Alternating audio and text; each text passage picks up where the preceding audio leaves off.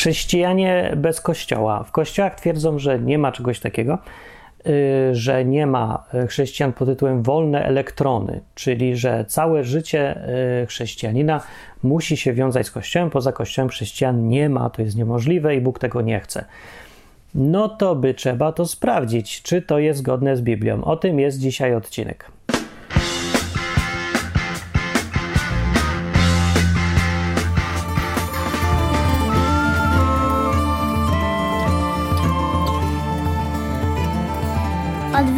Od Bogu po ludzku. Z Kościołem, w Kościele i przez Kościół. I na Kościele, i pod Kościołem. I Kościół, Kościół, Kościół to jest życie chrześcijanina w praktyce w tych czasach. Pamiętam tyle razy, jak chciałem e, się dołączyć do jakiejś grupy chrześcijan, którzy coś robią, jakieś obozy albo wyjazdy, albo nie wiadomo co, szmuglowanie Biblii to zazwyczaj tak jest, o ile w ogóle nie zawsze, że jednym z pierwszych pytań, jakie mi zadają, żeby sprawdzić, czy ja taki jestem naprawdę chrześcijanin, y, kto jest moim pastorem i do jakiego kościoła należę. No, więc jak należałem, to nie było problemu, ale potem już nie należałem, to mówię do żadnego, bo to nie jest obowiązkowe. E, w Biblii tak wyczytałem, że nie za bardzo jest to obowiązkowe, no i oni wtedy tak się strasznie, strasznie dziwili, bo być może był to pierwszy przypadek, kiedy ktoś w ogóle wpadł na taką koncepcję, że istnieje życie pozakościelne. No i zwykle nic nie wychodziło, bo to takie nieufne, nie, że no, no poza kościołem to tak, co co wiesz, to, to jakoś tak do widzenia. No, znajdą sobie kogoś, kto jest w kościele i on jest jakby bardziej zrozumiały. Pytanie jest, czy to się wzięło z Biblii rzeczywiście i czy Bóg w Biblii w odniesieniu do chrześcijan i w ogóle do wszystkich swoich ludzi e, ma taką wizję, że trzeba żyć w grupie zorganizowanej, e, mniej lub bardziej no, trochę hierarchicznej, jak to w grupa, zawsze w grupie jakieś tam liderzy muszą być. E, I czy to jest jego wizja dla jego ludzi. No właściwie y, tak to się intuicyjnie rozumie w Polsce, że no, jak sobie wyobrażamy chrześcijan, to nie wyobrażamy sobie ich jako jednostki, tylko jako grupy. Nie? No wiele razy ten temat się pojawia i w odwyku był, ale nie był tak y, chyba od tej strony biblijnej, y, jakby takiej na przykładach może. Bo ja chciałem dzisiaj użyć przykładów i pokazać, że w Biblii są takie przypadki, bo pytania ostatnio znowu wróciły, I niektórzy mówią, że w Biblii nie ma czegoś takiego jak chrześcijanie pojedynczy, co oczywiście nieprawda i właśnie pokażę dzisiaj. E, I e, że, no właśnie, ja nie wiem też, dlaczego sprowadzać to tylko do chrześcijan. No, Biblia się składa z kupy innych ksiąg niż tylko Nowy Testament, i to, co się działo po czasach Jezusa, to jest tylko mały kawałeczek już na końcu a wcześniej ludzie też jakiś tam kontakt z Bogiem mieli, wiedzę o Bogu mieli, i skoro już ta Biblia się głównie składa z tego, co było przed Jezusem, to można by się z tego czegoś nauczyć i pokazać, yy, jakiś sposób myślenia ma Bóg, jak podchodzi do tego tematu. Bo pytanie jest, czy trzeba należeć do kościoła. Tak naprawdę się to do tego sprowadza, i dużo ludzi ma w głowie to pytanie, niezależnie od tego, czy są przed, po, w trakcie, czy gdzieś obok y, chrześcijaństwa, y, bo zaczynamy życie, karierę naszą wiarową w Polsce, zwłaszcza od bycia w kościele. I to jest trochę dziaduwa, że nikt nas o zdanie nie pyta. No ale z drugiej strony trudno, żeby nas pytał, jak masz wiem, pół roku i się zapisują do kościoła wbrew twojej woli, że nawet trudno mówić, że ciebie zapisują, bo to jeszcze nie ty, taki ty, ty, jako byt, tylko taki organizm malutki, z którego dopiero będziesz ty, jak urośniesz. A na razie nie urosłeś, to rodzice za ciebie decydują, że masz należeć do kościoła katolickiego zazwyczaj albo jakiegoś tam innego. W kościołach protestanckich nie mówi się od razu, że cię zapisują, bo cię nie zapisują formalnie, i uważałem, że wszystko jest w porządku, ale w praktyce oczywiście, że też należysz do tego kościoła. Chodzisz do, na te spotkania, znasz wyłącznie cioci i wujków z kościoła i z biegiem okoliczności, jak już masz wiem, 6 lat, 8 czy coś, to nagle dostajesz chęci gwałtownej nawrócenia się. Bóg jeden wie, z czego ty się chcesz nawracać, bo nie wiem, że jako czterolatek ćpałeś, jako pięciolatek popełniłeś morderstwo i teraz chcesz się odwrócić od swoich wielkich grzechów albo ewentualnie nieposprzątanie pokoju mamie jest e, takiego kalibru grzechem, że Bóg musiał skazywać swojego syna, żeby go przybili gwoździem do krzyża i torturowali, bo małe czteroletnie dziecko nieposprzątające to jest taki grzech, że Bóg nie może już. Nie, więc nie wiem, to jest jakieś, jak się tak popatrzeć trzeźwo na sprawę, to, to jest za tym dużo hipokryzji i ściemy, że te dzieci protestanckie tak naprawdę mają wybór, nie to co katolickie, tam ich od razu chrzczą, a protestanckie nie, no nikt ich nie każe się zapisać do kościoła, ale wszystkie co do jednego się zawsze zapisują, zanim skończą dziesiąty rok życia zwykle, że tam idą się chrzcić i, i wszyscy się upewniają, że on na pewno wie co robi, no, no może on mówi, że wie co robi, tylko że on nie ma żadnego porównania i niczego nie przeżył, więc takie jest no, nic nieznaczące. Zwykle w tych historiach potem kończy się tak, że wieku tam już jak idzie na studia czy coś, to poznaje, nagle odkrywa wspaniały świat narkotyków, chlania wody i, i spania z kim popadnie. I jakoś dziwnie ta wiara jego słabnie, wielka i mocna, w której żył kilkanaście lat, ugruntowany taki, po pierwszej, pierwszej wizycie w akademiku nagle wiara znika, jak bańka medlana, puf, i Jezus nie ma żadnej mocy już nad, y, prawda, siłą biustu nowo poznanej studentki i i nowego smaku jakiegoś tam alkoholizowanego napoju mocno. Więc kończy się wtedy chrześcijaństwo nagle i dopiero później oni za jakiś czas, jak już tam e, ostro się zgnoją, to wracają na łono kościoła. I to jest taka standardowa, typowa kościo- historia e, w rodzinach protestanckich, kariera, strasznie typowa do, po, do zanudzenia i do pożygania. Jak przyjeżdżali na obozy językowe ludzie z takich kościołów typowych, to tam była taka, jeździłem na obozy językowe chrześcijańskie. No i tak co wieczór y, ludzie opowiadali swoje życie, historię swojego życia z Bogiem, no tak w skrócie. I jak przyjeżdżali ludzie tacy luźno z kościołami związani, to każdy miał inną. To były przeróżne historie, takie bardzo mocne i ruszające, bo to prawdziwe historie z życia. No.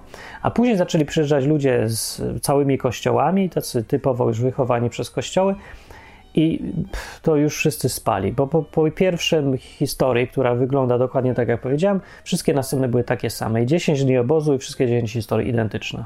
No, że jakieś szczegóły różnią, że jeden żył w Nebraska, a drugi w Minnesota, no i to jest ta różnica cała.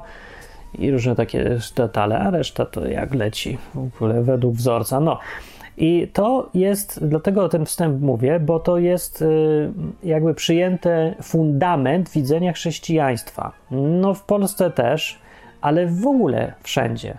Chrześcijaństwo pozakościelne nie istnieje poza chyba tylko jednym odwykiem gdzie tutaj pokazuje taką opcję, że jest możliwa. Nie dość, że możliwa, to działa lepiej, ale z jakiegoś powodu jest odrzucana, albo może po prostu nie przychodzi ludziom do głowy. No i żeby tylko nie e, namawiać ludzi e, samymi faktami, e, że lepiej działa, no ale to jakoś mało kogo interesuje, to może odwołam się do Biblii. Czy Bóg sobie życzy, żeby wszyscy siedzieli po kościołach i chodzili do tych pastorów i księży i coś tam i byli podlegli pod cały system zbiorowości? Czy to ma być zbiorowe, inaczej mówiąc, czy indywidualne? No, bo jak mówię, teza jest i, i z, kto był w jakimś kościele, ten pewnie się spotkał z takim e, potępieniem koncepcji, żeby być poza wspólnotami czy kościołami. Mówię wspólnoty, no czasem to wspólnota, czasem to taki kościół bardziej jako instytucja, różnie. Ale czy być oddzielnie jakoś? No tak, więc tak e, na dzień dobry muszę powiedzieć, że w Biblii oczywiście obie formy występują, czyli no nie ma tak, że tam w żadnych grupach ludzie nigdy nie żyli. Zawsze ludzie żyli w grupach, bo to są ludzie. No to się nie da samemu żyć w ogóle dla zwykłego człowieka, chyba że ktoś jakiś Rambo i sam sobie zapoluje i zbuduje dom, i pierze, i czyści, i, ugotuje, i w ogóle wszystko sam. No ale to takie przypadki jest, też są, bywają, ale to nie jest typowy człowiek. Typowy człowiek żyje w grupie, bo musi. Każdy robi coś jednego i poza tym ludzie zwyczajnie lubią i potrzebują żyć w grupach. Dlatego to jest naturalny sposób życia, więc nie ma o tym jakichś szczególnych, yy, długich, no nie wiem, porad czy przepisów w Biblii pod tytułem żyj w grupie albo nie żyj w grupie. No bo Biblia się nie zajmuje mówieniem, wbrew pozorom, nie zajmuje się mówieniem ludziom, jak mają żyć. No nie mówi, bo można wybrać bardzo różne style życia i to cały czas jest wszystko zgodne z tym, co Bóg tam mówił, bo Bóg mówi takie dosyć fundamentalne, tylko i podstawowe rzeczy, a w szczegółach to już sobie decyduj. Ale ludzie żyją w grupach. Z drugiej strony, pytanie jest nie, czy ludzie mogą żyć w grupach, tylko czy mają prawo żyć poza grupami. I to nas interesuje. Weźmy sobie, spróbujmy popatrzeć na bibliowe, bibliowe różne przypadki bibliowe ludzi, którzy tam są przedstawiani pozytywnie, y, i może wyjdzie jakiś obraz tego, czy Bóg potępia ludzi, którzy się trzymają z boku, a na przykład yy, mu pokazuje, że wszystko fajnie i dwa kciuki do góry ludziom, którzy żyją w grupach. Jeżeli jest na przykład sytuacja, gdzie ktoś był poza grupą, a druga sytuacja, że ludzie byli w grupie lojalni wobec grupy, to co Bóg preferuje? I kogo bardziej, do kogo się bardziej uśmiecha? O, czy są takie przypadki w Biblii? No, można poszukać. Najpierw to przykład, ja bym zaczął od Adama. Wiem, to jest bez sensu, bo y, o czym tu gadać, jak Bóg stworzył pierwszego człowieka w Biblii? A ja tylko chcę zwrócić uwagę na taki detal, że Bóg stworzył pierwszego człowieka jako jednego człowieka. Nie stworzył ich od razu w grupie. Co przecież mógł zrobić? ale nie zrobił z jakiegoś tam powodu. I to jest y, taka delikatna sugestia, że zaczyna się wszystko od jednostki. Jeden Bóg, jeden człowiek. I tak sobie żyją, i potem dopiero się okazało, że człowiekowi jest nieprzyjemnie samemu, dorobił mu drugą osobę i byli już parą. A potem już ci ludzie robili sobie dzieci, a potem się zrobiły już grupy same. Ale pierwsze zaczęło się to od jednostki. Taka mała wskazówka na dzień dobry, że hmm, no, Bóg nie jest przeciwny jednostkowaniu. Wyobraźmy sobie, czy mogłaby być alternatywna wersja historii, gdyby ten Bóg bardzo preferował zbiorowości i chciał pokazać od samego początku, że prawidłowe życie, takie jak, jak Pan Bóg przykazał, to jest w grupie no mógłby, wystarczyłoby stworzyć grupę pierwszą, a nie jednego człowieka, i już byśmy mieli bardzo mocny sygnał, że no, życie z Bogiem to życie grupowe, to my, a nie ja. No tymczasem nie. Tak się tutaj zaczyna historia, cała Biblia od tego ja, a nie od my. No, ale to tam mała wskazówka. No to jakaś inna historia. Proponuję przypomnieć sobie historię Józefa. E, był Józef, Józef, mówię o tym Józefie, który był synem e, Jakuba. Jakub, czyli Izrael, miał 12 synów. Tak bardzo upraszczam, bo miał ich. No nie, no miał 12, ale jeden z nich miał dwóch i to czasem się ich liczy jak tych wnuków jako synów, a czasem nie. No, ale zresztą będzie dla uproszczenia, miał 12 synów. Jeden z nich, Józef, e, prawie najmłodszy, był bardzo taki poza grupą. On był jakiś dziwny trochę. I i ten syn Józef, e, w którymś momencie jest cała tam historia dosyć długa o tym, co się z nim stało. On tak nie lubili go bracia, bo on się wywyższał niby. tak naprawdę nie pasował w ogóle do tej grupy. I, I, miał jakieś dziwne sny, że mu się tam kłaniali wszyscy i że on, no, obok był. No, no, nie za bardzo. Nie, nie, nie, tak, nie miał wyczucia zresztą jakiegoś takiego, żeby w grupie ładnie z nimi się bawić, tylko on tak osobno. W końcu się wnerwili jego bracia i go sprzedali Czyli tam chcieli go najpierw zabić, w którymś już incydencie już go mieli tak dość, że tak wypadek zrobić, że w studni zginął czy coś, a potem stwierdzili, ktoś ich namówił, że może nie przesadzajmy, bo to jednak brat, to go sprzedajmy do niewoli, jeszcze sobie zarobimy. No i przepili brata, potem za pieniądze, nie, nie wiem, czy przepili, ale ja tak sobie myślę, że no coś za te pieniądze zrobili. No nie, przynieśli ojcu pieniądze i on się pyta, co żeście sprzedali? A mój brata, śmieszne nie wiem, co zrobili. Nie, nie pamiętam już dokładnie tam szczegółów, ale nieważne. Ważne jest to, że był Józef i ostatnio, ostatecznie wylądował poza grupą, poza swoją rodziną całą, bo to ta rodzina to też taka grupa i życie rodzinne to życie grupowe. I cała ta historia pokazuje, yy, co się działo dalej z grupą yy, braci ojca Jakuba i tych wszystkich braci i równolegle co się działo z życiem Józefa, który był już sam i żył sam, poza. I w ogóle całe to jego życie było jakieś takie wolny elektron właśnie. Jak sobie porównamy życie jego i życie ich, to na końcu się okazuje, że to on ich uratował przed głodem. Jeśli on wylądował w Egipcie, Bóg mu dawał sny i cały czas był sam. Nie działał w grupie, on był w ogóle obcy, cały czas był obcy, jako Hebrajczyk pośród Egipcjan, no, ale ostatecznie Bóg mu pomagał, jako ciągle temu jemu samemu, y, i wylądował na, y, w miejscu, gdzie był bardzo wpływowym człowiekiem. Jeśli był tam drugi po faraonie, czy jakieś takie historie, no w każdym razie miał bardzo dużo możliwości. Przypomniał sobie o braciach, że tam głodują i zaczął sprzedawać jedzenie tam do innych krajów, zarabiał na tym wszystkim. No i w każdym razie spotkali się potem, oni go w ogóle nie poznali, i jakby tak, wiecie, wrócił do tej grupy. Potem bardzo ładna i wzruszająca historia była, ale w tym wypadku pokazuje, że historia Józefa jako jednostki kontra grupy tych wszystkich braci, tych Judów i Beniaminów i wszystkich innych, y, to Bóg w tej historii preferuje Józefa zdecydowanie. Tak bardzo, bardzo wyraźnie wywyższa Józefa, a, a tam grupa, grupę bardziej tam, no. Oni głodują, a on jest na szczycie władzy. No, a potem bardzo pięknie on im daje żredzi, mówi: chodźcie do mnie w ogóle. To ta grupa potem idzie do niego i korzysta z jego sukcesu jako jednostki, niż że on dołącza do grupy. Bardzo ciekawie się to rzeczywiście kończy, jak od tej strony popatrzeć, bo zwróćcie uwagę, że zwykle to jednostka powinna wrócić do grupy, nie?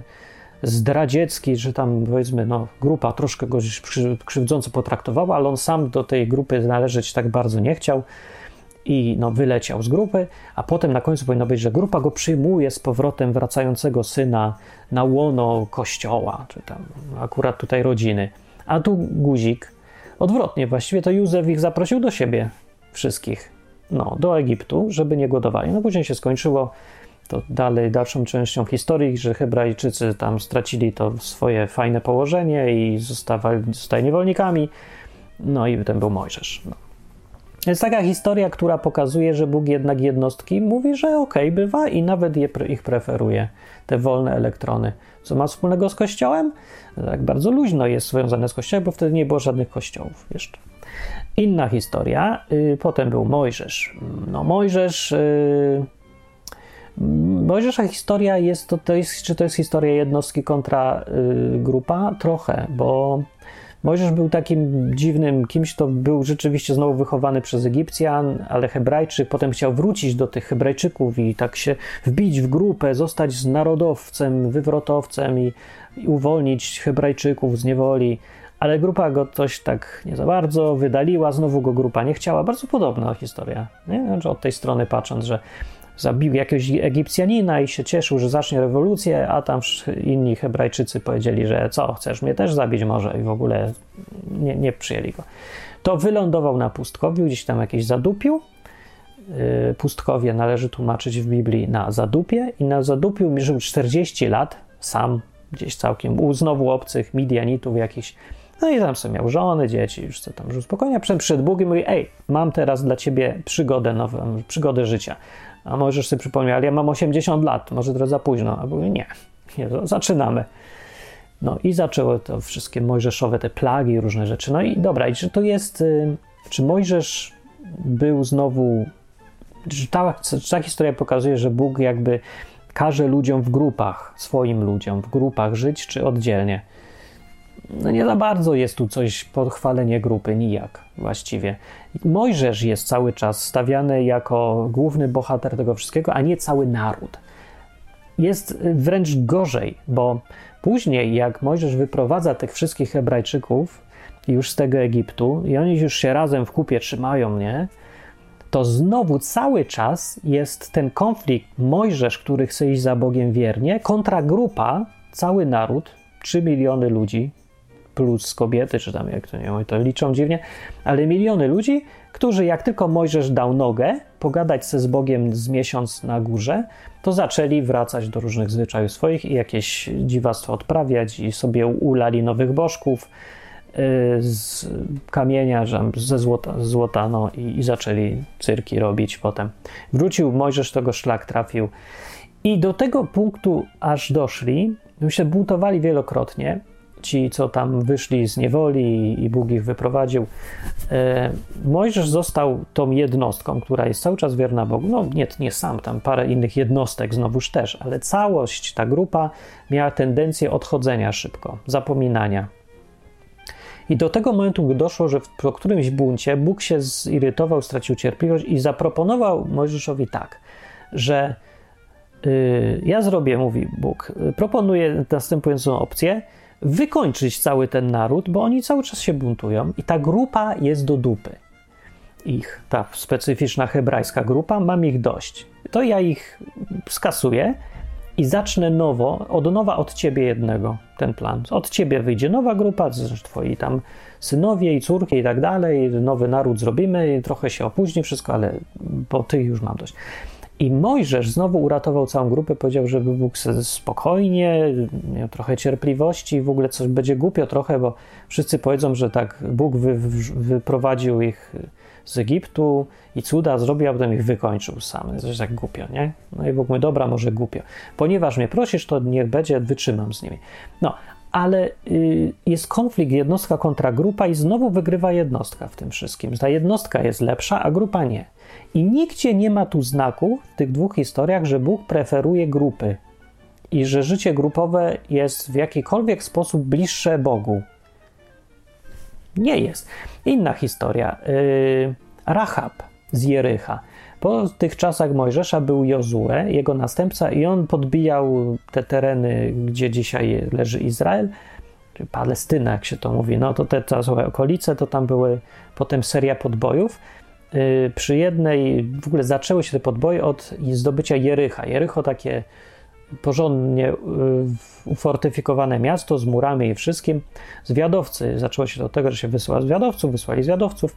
Zwiadowcy yy, znaleźli jakąś pokrewną y, duszę u prostytutki, która mieszkała w murze, takie mm, widocznie tanie miejsce do mieszkania było, przy murze i, y, no i ona im pomogła bo zaczęli, ktoś ich wyśledził, że tu przyszli tacy obcy, jacyś dziwnie wyglądają, przyszli do niej, ona ich schowała, okłamała i w ogóle. I powiedziała ta prostytutka, Rahab na imię miała, że ona wie, że Bóg dał, że Bóg jest z tymi Hebrajczykami i ona y, postanowiła postawić wszystko na jedną kartę i porzucić swój własny naród i swoją grupę i ojczyznę i dołączyć do tego Izraela, do ich Boga i powiedziała, że ona im pomaga, ale niech oni jej nie zabiją, jak już to wszystko podbiją. Także ona wierzyła, że, że Bóg no, jest po stronie tych obcych, co mają tutaj ochotę podbijać Jericho. No po prostu zdrada. To jest taka typowa zdrada narodowa. Y, była więc ta zdrajczynią narodową y, w kategoriach myślenia polskiego. To jest absolutnie najgorsze chyba wina, jaka jest możliwa sobie wyobrazić zdrajcę ojczyzny. No i Rahab była zdrajcą ojczyzny i jest chwalona straszliwie w Biblii. I rzeczywiście Bóg ją tam, no, że oni tam przywiązała z jakąś czerwoną nitkę do okna, czy sznurek, czy coś, oni ją zostawili jako jedyną, wyrżnęli całe Jericho, ci Hebrajczycy, jak już wyleźli. Y, a ona jest chwalona przez całą Biblię za to, że wybrała Boga bardziej niż swoją grupę, niż swój naród, niż swoją ojczyznę. Przy czym nikt nie udaje, że to była zdrada. I w każdym kraju właściwie takie postępowanie jest piętnowane, yy, że swojego kraju swojej grupy się nie zdradza. No, Bóg ma inne podejście, ewidentnie tutaj. I tutaj znowu widzimy, że nie jest to takie, jak w kościołach by chcieli pokazać, że lojalność wobec grupy jest dla Boga kluczowa. No nie jest. Ewidentnie z tego przykładu widać. Nie jest bezwzględna w ogóle. Zależy. I to samo jest u Mojżesza, że przynależność do Izraela nic nie znaczy. Sam Jezus kiedyś mówił yy, odnośnie tego tematu, kiedy tam przemówienie mówił do tych swoich tam, co tam go słuchali, i mówił tak, że wy mówicie, że jesteście dziećmi Abrahama, czyli powołujecie się na przynależność do tej grupy. A ja wam mówię, Mówi ten Jezus, tak powiedział. Ja mówię, że Bóg może dzieci Abrahama z tych kamieni zrobić. Więc to w ogóle nie ma znaczenia, że tak sobie mówicie. Mówi. Ważne, co kto robi. Tak z grubsza powiedział i znowu pokazał, że przynależność do grupy przeceniają i to nie jest dla Boga takie ważne. I to na pewno było zaskakujące. I powinno być zaskakujące dzisiaj. Nie, dzisiaj nie, dzisiaj nie powinno być zaskakujące, bo wystarczy czytać Biblię, żeby załapać tę koncepcję, że grupowość przynależność do grup dla Boga nigdy ważna tak nie była. No. I myślę sobie, wystarczy, jeszcze tylko wspomnę o Eliaszu, proroku, który też y, to jest ten, który tam taki pojedynek na górze Karmel zrobił z prorokami Baala. Zaprosił 450 innych proroków yy, i 400 proroków Aszery, czyli Matki Boskiej. Tylko wtedy się inaczej ubierała, to jest to samo.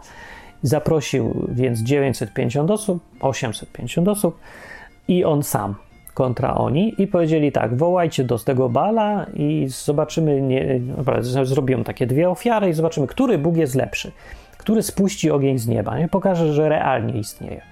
To wy się módlcie do bala, wy tu do tej aszery, a ja potem na koniec do swojego Boga i zobaczymy co się stanie. No, myślę, dobra, zobaczymy, będzie ciekawie, coś się będzie działo.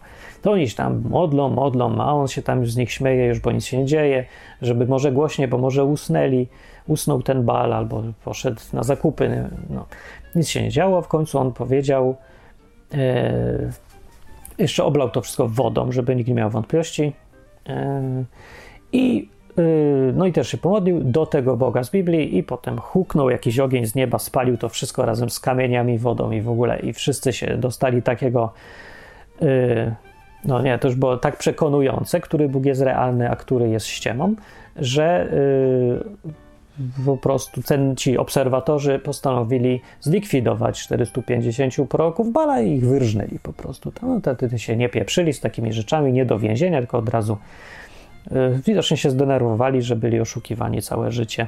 Jednak prawdziwy Bóg to był ten Bóg jednego Eliasza, a nie ten Bóg 450 proroków Bala. I znowu jednostka wygrała z 450 wspólnymi y, tam, taką grupą.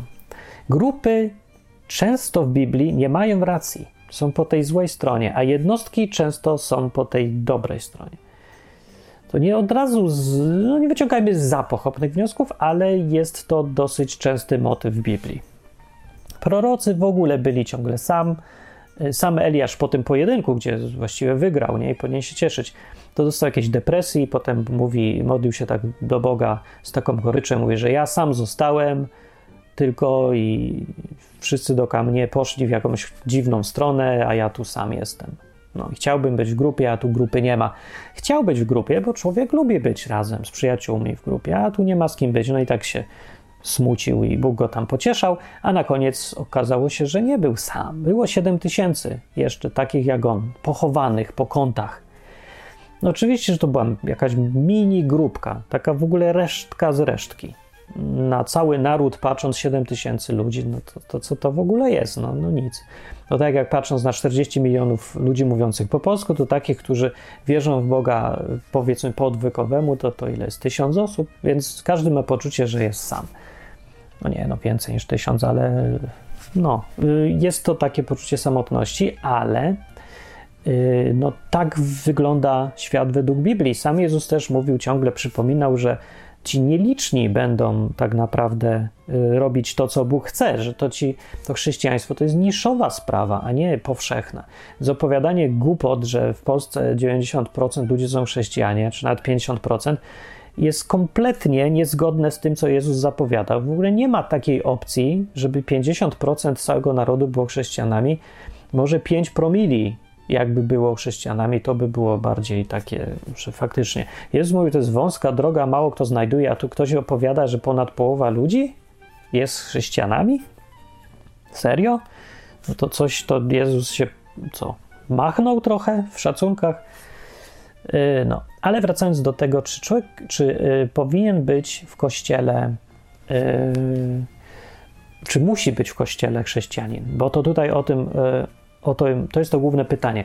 W Nowym Testamencie, wracając już teraz do konkretnie spraw Kościoła, no też byli prorocy. W dziejach apostolskich już jest opisane życie pierwszego kościoła, i tam jest pokazane, i ktoś powie tak, no właśnie, tam jest pokazane, że chrześcijanie żyją w grupach, we wspólnotach. No pewnie, że tak jest pokazane, że żyją w grupach i we wspólnotach, a dlaczego by mieli nie żyć w grupach i we wspólnotach? W ogóle takie pytanie rzucam. A jak inaczej by mieli żyć? Nie wiem, każdy oddzielnie siedzieć i nie lubić zgadać z innymi.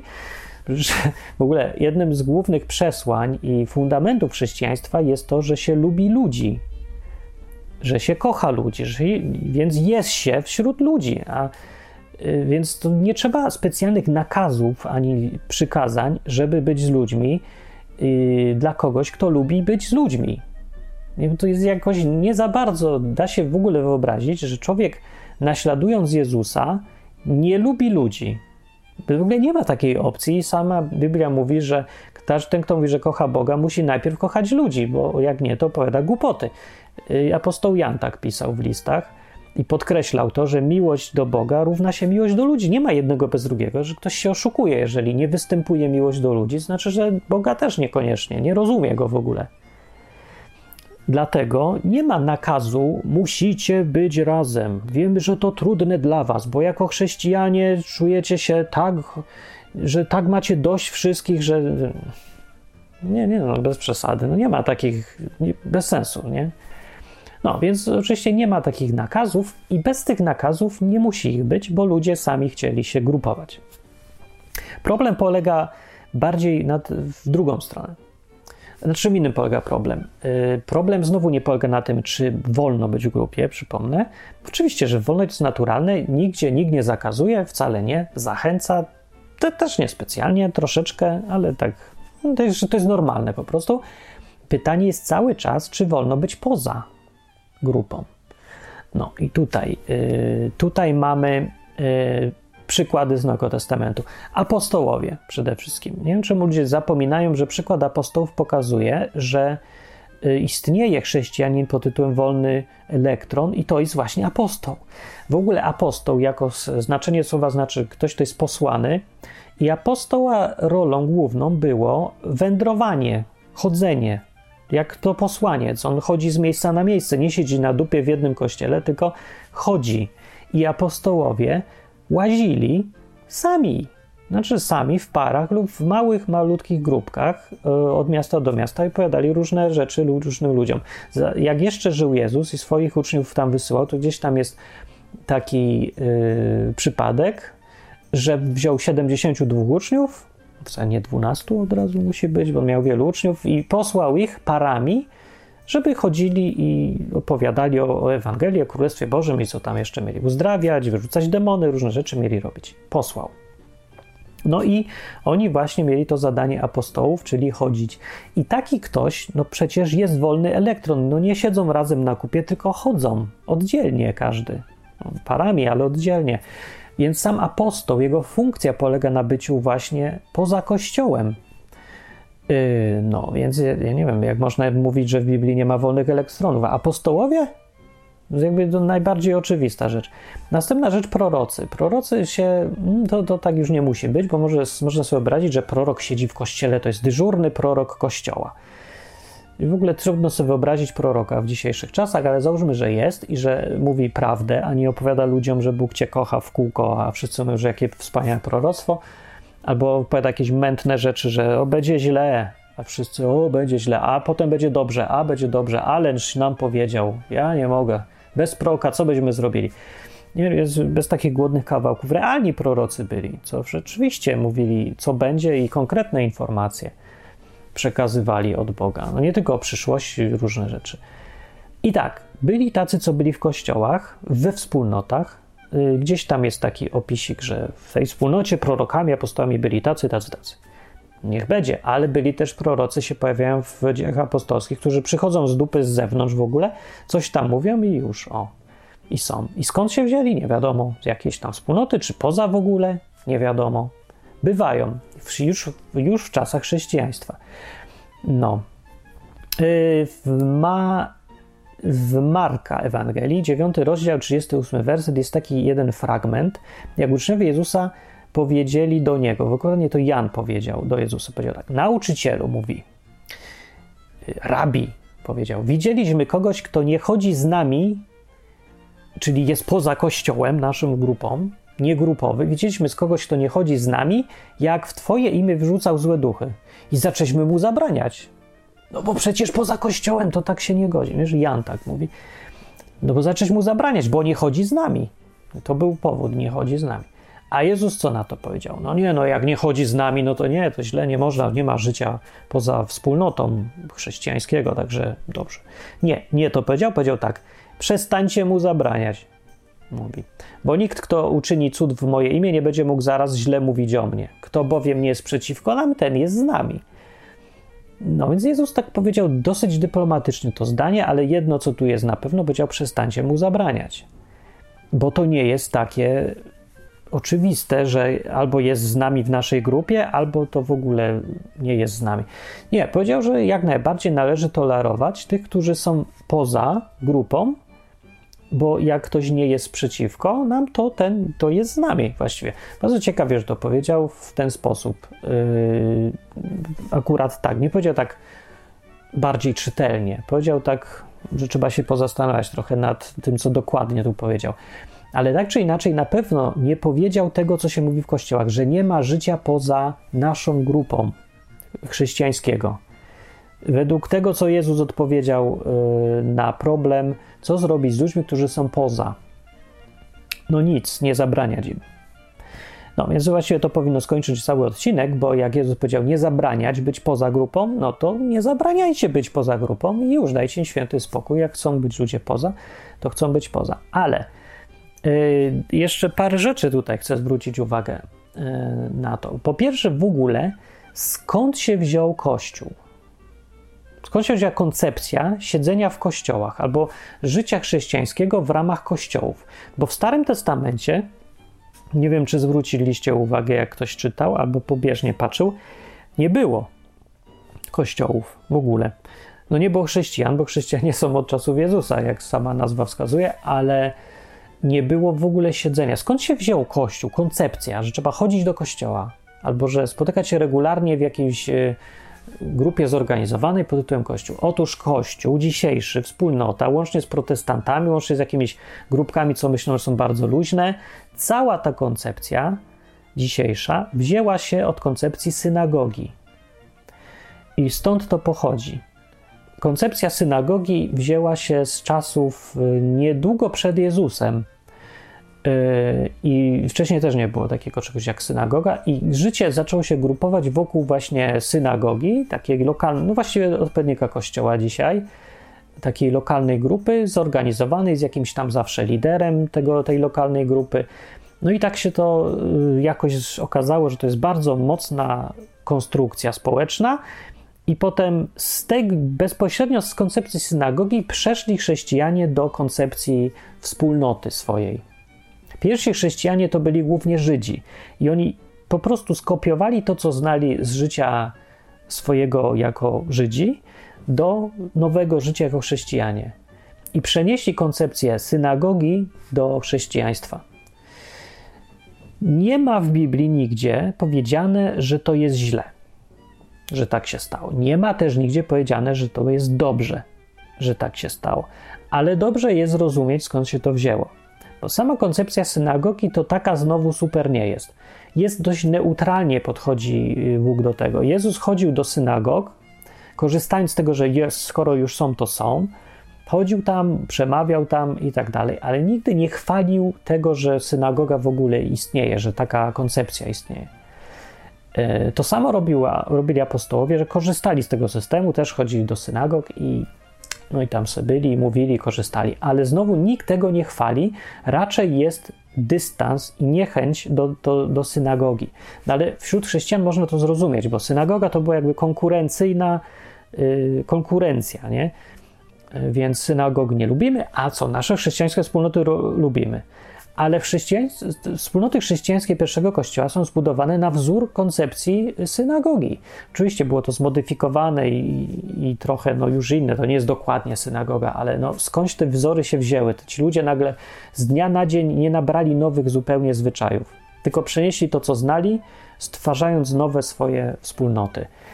Ale to, co jest tutaj ciekawe, to jest to, że skoro nie ma w Biblii ani nakazu, że to musi być synagoga, ani zakazu, że to nie może być synagoga, to znaczy, że Bóg zostawia e, dużo pola wolności, jak się organizować w te grupy. Jedyne co jest, to jest akceptacja faktu, że grupy są i że istnieją i będą. I nazywane są wspólnoty wspólnotami i nic poza tym. To, co się często tłumaczy w Biblii Tysiąclecia, tłumaczy się ta wspólnota jako Kościół, e, a znowuż Biblia Warszawska nie używa słowa Kościół, tylko mówi właśnie wspólnota.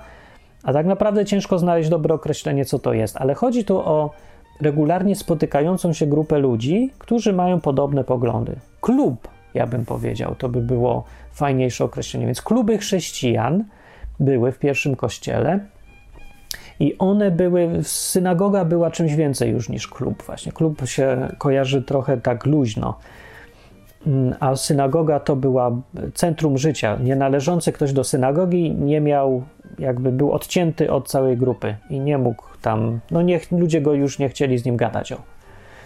E, gdzieś jest też przypadek, kiedy Jezus kogoś tam uzdrowił, ślepego, i ten ślepy miał potem problem, że nie chciał mówić, że to Jezus go uzdrowił, bo, bo już tam przełożeni powiedzieli, że wyrzucą synagogi każdego, kto będzie mówił coś fajnego o tym Jezusie, będzie zachęcał do niego.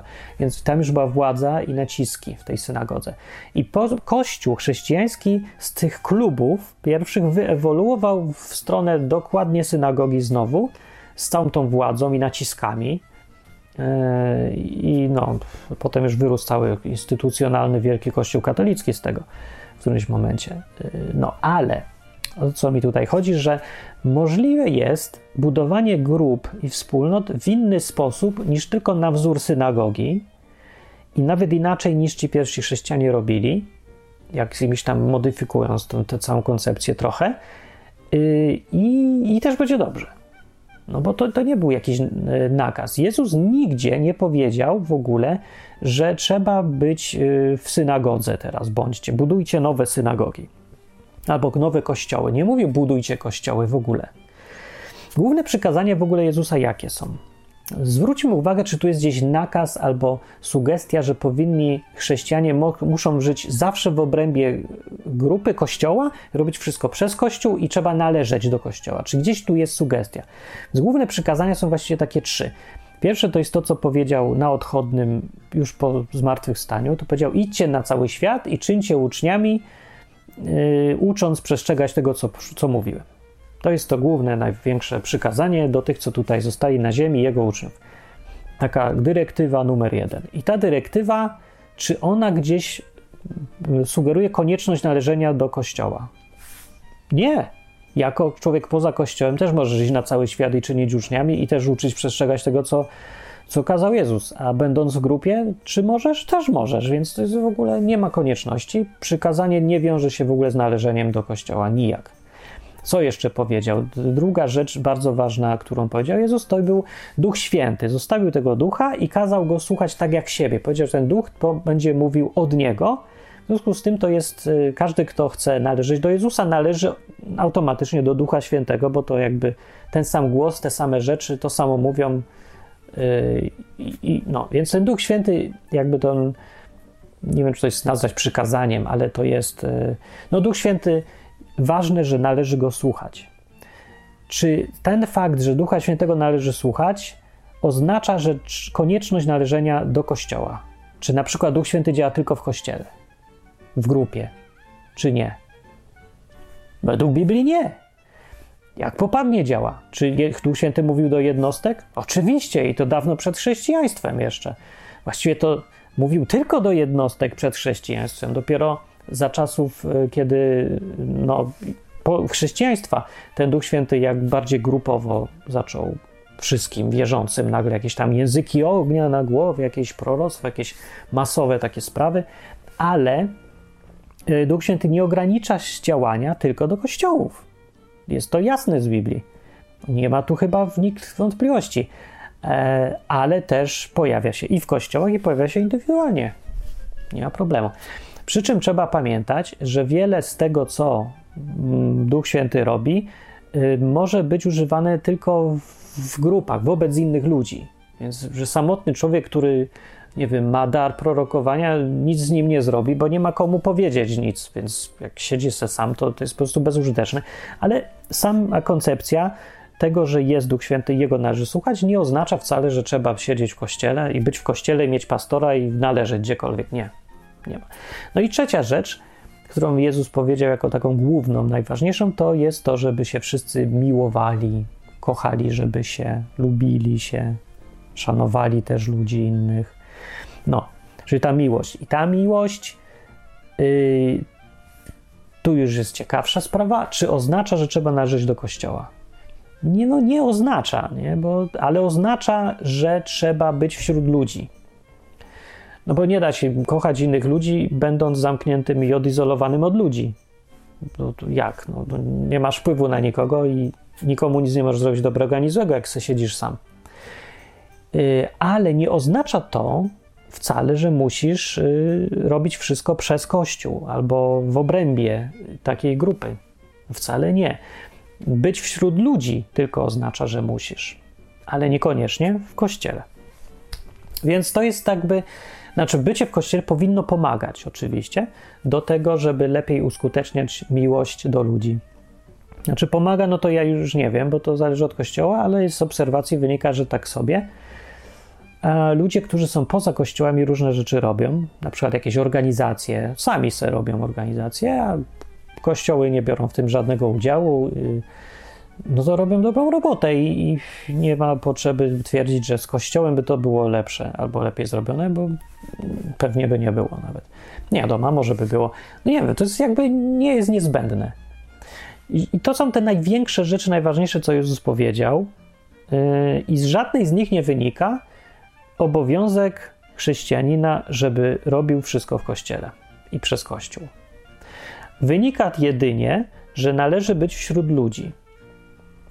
Mateusza Ewangelii, 18 rozdział, 19 werset, taki jest, y, powiedział tak Jezus, że powiadam wam, on tak jakoś zaczynał oficjalnie, nadto powiadam wam, jeszcze powiedział, że jeśli by dwaj z was na ziemi uzgodnili swoje prośby o jakąkolwiek rzecz, otrzymają ją od Ojca mojego, który jest w niebie, powiedział.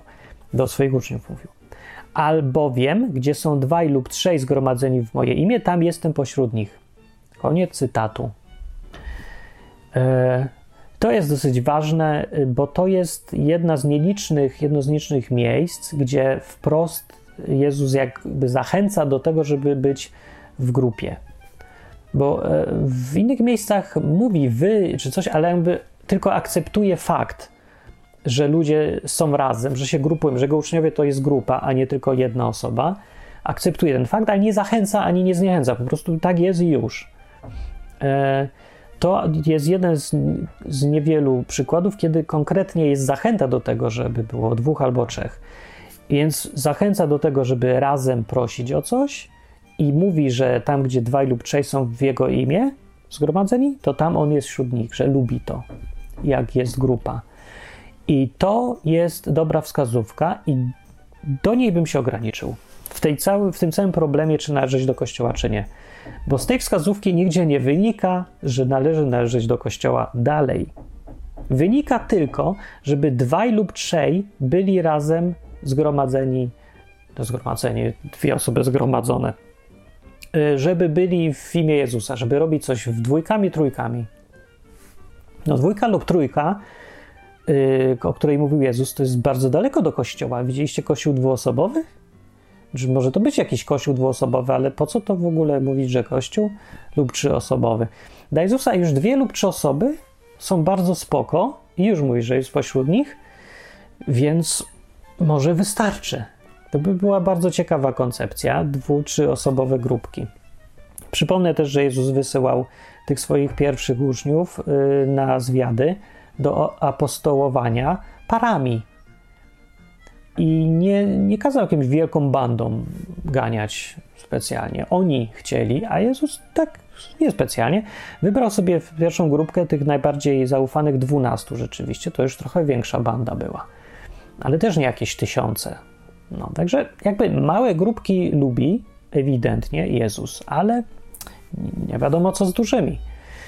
No.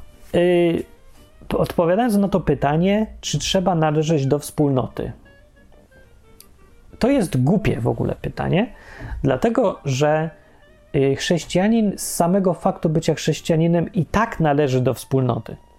No bo każdy, kto wierzy tak jak on, w to samo co on, ma tego samego mistrza i tego samego ojca mistrza Jezusa, więc wszyscy jesteśmy, jako ja tutaj, jednostka i ktoś tam gdzieś tam daleko we Francji, powiedzmy, jeżeli wierzymy w tego samego mistrza, jego słuchamy i on jest tym samym mistrzem, naszym, to już jesteśmy wspólnotą, już, nas już mamy więź między sobą. Jeżeli się tylko spotkamy, to natychmiast mamy wspólny język i wspólne cele. Nawet bez spotkania się mamy wspólne cele. Więc jesteśmy wspólnotą, jakby grupą już y, automatycznie. Nie trzeba jakoś specjalnie należeć. Czyli inaczej mówiąc, stanie się chrześcijaninem, czyli opowiedzenie się po stronie Jezusa jako mistrza, nie? że teraz od dzisiaj to ja jemu służę, ten akt włącza cię do wspólnoty ludzi, którzy to samo zrobili. No bo tak samo, nie? Jak y, powiedzenie głośno, że teraz ja kocham komunizm i wierzę w Lenina, to to sprawia, że jesteś komunistą. A jak już jesteś komunistą, to już jesteś w grupie automatycznie komunistów całego świata i reszta to już są formalności. Możesz się zapisać, możesz się nie zapisywać i tak jesteś komunistą i należysz do wielkiej rodziny komunistów świata. To tak samo będąc chrześcijaninem, jesteś we wspólnocie chrześcijan całego świata i, i, i za świata i może wszechświata, no nie wiem. No. Yy, czy, to, yy, czy ta grupa, o której mówię, komunistów albo chrześcijan, to już jest Kościół? Więc to jest, no to nie, to nie jest ten Kościół, który mamy na myśli, mówiąc, czy muszę należeć do Kościoła. Bo jak ktoś pyta, czy mam należeć do Kościoła, to ma na myśli lokalną, zorganizowaną grupę, w której jest już konkretne członkostwo. No, no jak ktoś mówi, ja nie jestem członkiem, jestem sympatykiem. Na jedno wychodzi, to też jest członkostwo, tylko luźniejsze na luźnych zasadach, ten sympatyk jakieś obejście problemu formalnego członkostwa za pomocą członkostwa nieformalnego, ale to jest dalej członkostwo. Więc to nie jest ten problem, o którym mówimy. Inaczej mówiąc, i tak należysz do wspólnoty, ale możesz albo możesz, albo nie musisz należeć do kościoła. O. Czy, czy chrześcijanin, na, czy trzeba należeć do wspólnoty, jest to głupie pytanie, bo i tak należy, a czy do kościoła Możesz, a nie musisz. Na to wychodzi z Biblii w skrócie. Nie ma obowiązku, nie wiem, czy jest potrzeba. Jak masz potrzebę, bo to są tam plusy różne, takie na przykład, że ktoś może myśleć za ciebie. Nie wiem, czy to jest pozytywne, ale dla ciebie może być plus, bo może jesteś leniwy i wolisz iść zapytać pastora o wszystko, zamiast myśleć samodzielnie. E, jak to się kończy, to co sobie możesz Biblii poczytać, bo wiesz, to ci, co tam y, w tych grupach byli, y, czyli Hebrajczycy kontra Mojżesz, albo y, synowie Jakuba kontra Józef, no to te grupy to gorzej wychodzą na tym ogólnie, ale im jest jakby milej, nie? bo tak odpowiedzialność się rozpływa zawsze w grupie. Człowiek ma większy święty spokój i takie fajne poczucie przynależności. A Józef musiał być sam, Mojżesz musiał być sam. Nawet Adam był sam no, jakiś czas. E, Jezus też był sam często, tak przynajmniej się czuł, chodził se sam, mm, tak się bywał z uczniami, ale po nocach to gdzieś tam sam bywał, więc to, to no, mówić, że bycie samemu to jest niezdrowe, no to, to dla chrześcijana mówić, że sam Jezus był niezdrowy, no, trochę być ciężko uczniem mistrza i mówić, że ten mistrz robił coś niezgodnego z tym, co nauka mistrza przewiduje. W ogóle absurd. Więc jak Jezus bywał też sam, to jest zupełnie zdrowa rzecz, że człowiek potrzebuje być sam. E, jeżeli w kościołach próbowałem ci opowiadać, że to niezdrowo, że ty chcesz coś poza robić yy, wspólnotą, no to jest sygnał jasny, że to leć zalatuje z sektą. Taką niemiłą sektą, niedobrą sektą, która yy, chce uzależniać ludzi od siebie, od grupy. Niezdrowo. I nie ma to z Biblią nic wspólnego. Jak z tego odcinka wynika, no ja nie widzę w ogóle żadnych wskazówek, że chrześcijanie mają żyć w kościołach. Mm, wspólnota jest i tak jedna, e, a jak już ludzie się spotykają między sobą, to o dziwo nie jest wcale tak sprecyzowane. W w Nowym Testamencie wśród pierwszych chrześcijan był, jest tylko powiedziane tak, że jak jest y, wspólnota, to ma być biskup, tak to nazwali, głupie określenie troszkę, może starszy bym powiedział, o starszy, czyli ten lider, jest powiedziane jaki ma być. Ma być odpowiedzialny, dobrze zarządzać, służyć innym i tak dalej. Tak jest napisane, skoro już jest. Można go sobie nazwać jak się chce, ale to jest minimum realistyczne, bo jak jest grupa, to zawsze będzie jakiś starszy, jakiś lider. E, czy tam biskup. biskup od razu to nazwać biskupem. No, starszy jest lepszy, bo ten taki, co go bardziej wszyscy szanują jego słuchają. Zawsze się wyłoni. Takie jest naturalne. Naturalnie jest, tak się dzieje wśród ludzi. Nie trzeba tego kazać, to nie jest sztuczne. O. Więc to jest jako minimum powiedziane, i jeszcze są role, jakie występują wśród chrześcijan, ale znowuż ogólnie, w całej wspólnocie, nie w każdej. Czyli funkcje albo funkcje, że jeden jest apostołem i w ogóle robi poza wspólnotami, kościołami, łazi tu i tam, albo prorokiem. I to też nie jest koniecznie, nie oznacza przywiązania do jednego miejsca ewangelista, no to może on i siedzi przywiązany w jednym miejscu, ale wychodzi do ludzi na zewnątrz. I właściwie większość tych funkcji y, nie, nie stwarza konieczności y, należenia do jednego jakiegoś miejsca. Ani już na pewno nie trzeba być na stałe w jednym miejscu, bo trzeba być na stałe w jednym miejscu. To w ogóle jest koncepcja z niczego nie wynikająca. I nigdzie w Biblii śladu po tym nie ma, że trzeba się zapisać i siedzieć w jednym, jak już się tam jest tym jednym. Bo nie ma. Y, tam, gdzie jest mowa o wspólnocie czy kościele w Biblii, y, jako ciało Jezusa jest takie porównanie, to jest mowa o wszystkich wierzących, nie o wierzących, powiedzmy, w kościele baptystów w Pcimiu, tylko o w ogóle całości wszystkich nas, którzy wierzymy w Jezusa. O. No to tak to należy rozumieć wtedy. I znowu, należenie do Kościoła nie jest wtedy żadnym pytaniem sensownym, bo automatycznie każdy, kto wierzy w tego Jezusa, należy do tej wspólnoty ogólnej. No, więc pytanie, czy należy należeć do Kościoła, dotyczy tylko tych lokalnych, zorganizowanych grup. Yy, jeszcze na ostatnią rzecz, co muszę tutaj powiedzieć, to to, jak, yy, jakie rzeczy Biblia każe, o, żeby były. To tak jak mówię, jeżeli już jest lider ten starszy, to mówi, jaki on ma być, ten lider, ten biskup czy starszy w tej wspólnocie lokalnej, w tym kościele. Druga rzecz, że są role, czyli apostołowie, albo tam prorocy, albo różnie te role robią. I trzecia rzecz jest, że w ogóle cała koncepcja ma wyglądać tak jak organizm, jak koncepcja organizmu, czyli jak już chrześcijanie są razem, Nieważne, czy to będzie kościół, czy takie luźne spotykanie się co wtorek na, na gadanie, czy nie wiem, czy w ogóle spontaniczne i nieplanowane spotkania, to zawsze funkcjonować to ma jak organizm. Organizm funkcjonuje tak, że jest ręka, noga, oko, ucho. I ręka, noga, oko, ucho się spotykają razem i razem wspólnie działają na rzecz jednego organizmu. Jeżeli jeden, e, tak jakby dbają o siebie nawzajem. Jak ręka cierpi, no to wszyscy i tak cierpią. Cały organizm cierpi i muszą dbać o siebie nawzajem. I, o, i ta koncepcja jest ważna, żeby o niej pamiętać. Y, I ważna jest w tym, że w tym całym organizmie jest jedna głowa, a nie 70 głów lokalnych, że każdy pastor to jest mała główka tylko jedna i ta jedna głowa to jest Jezus oczywiście, który kieruje tym wszystkim. W związku z tym znowu koncepcja Kościoła takiego jak ludzie rozumieją Kościół znowu, że z pastorem księdzem, y, pytanie, czy to pasuje w ogóle do Biblii. No według mnie nijak to nie pasuje do Biblii, bo sam fakt, że to jest tak zorganizowane w dzisiejszych czasach jak synagoga z liderem i z y, obowiązkami i z przynależnością, w ogóle nie pasuje do ciała opisanego w Biblii, gdzie y, to jest bardzo takie organiczne, nie? takie naturalne, że jest ręka i noga, oni nie muszą uzgadniać między sobą, co robić, nie ma walki o władzę, każdy ma też swoją funkcję. Różne są te funkcje, najróżniejsze. Ręka co innego robi niż oko, nie? I ręka y, w związku z tym nie może być ani większa, ani mniejsza niż oko. Nie ma hierarchii w, tej, w tym modelu biblijnym.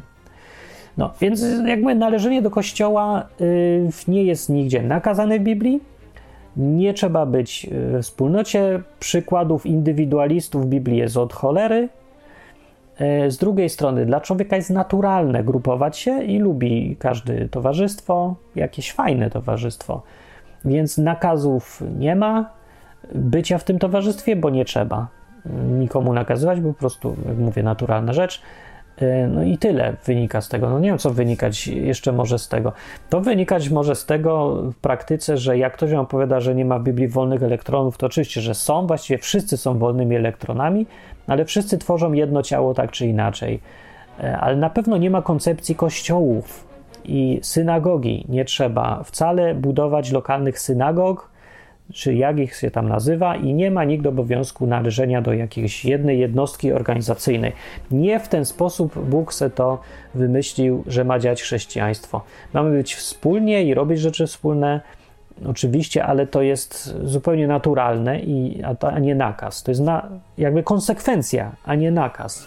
Tak to należy widzieć i rozumieć, a te wszystkie szczegóły, jak wspólne życie ma wyglądać, są minimalne w Biblii, praktyczne i nie wymagają żadnych właściwie formalnych yy, rzeczy. Nie? To można na różne sposoby, inaczej mówiąc, organizować się życie wspólne. I życie chrześcijanina wcale nie musi być w ogóle wspólne. Ani człowieka, który w ogóle chce coś dla Boga robić. Jak mówię, są przykłady ludzi, którzy sami siedzieli latami i też okej okay było. No.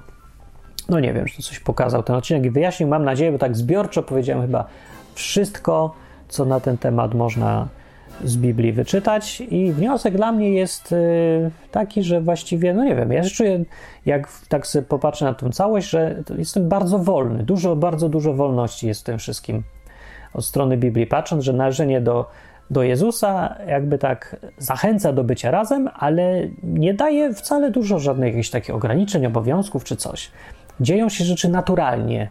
Sami z siebie ludzie chcą być e, wśród innych ludzi. Jak się kocha Boga, to się z czasem zaczyna kochać ludzi i po prostu jakby tak dążysz do grupowania się. Ale takich y, obowiązków, czy tam trzeba, że to wolno, tego nie wolno, to tak strasznie mało jest w Biblii, mało tego jest. No.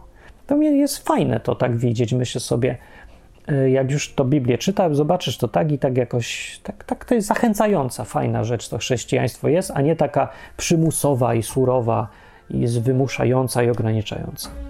No, dobra, to był odcinek odwyku, dzięki za słuchanie. W, dajcie czasem co łaska, bo inflacja zrobiła. W 2022 roku ten odcinek mówię przy okazji, bo jak to słuchacie po latach, to, to może być, yy, możecie zazdrościć, że taka niska inflacja była w 2022 jeszcze. Zobaczymy. Do następnych odcinków o Biblii, o Bogu po ludzku. Martin Lechowicz mówił cześć.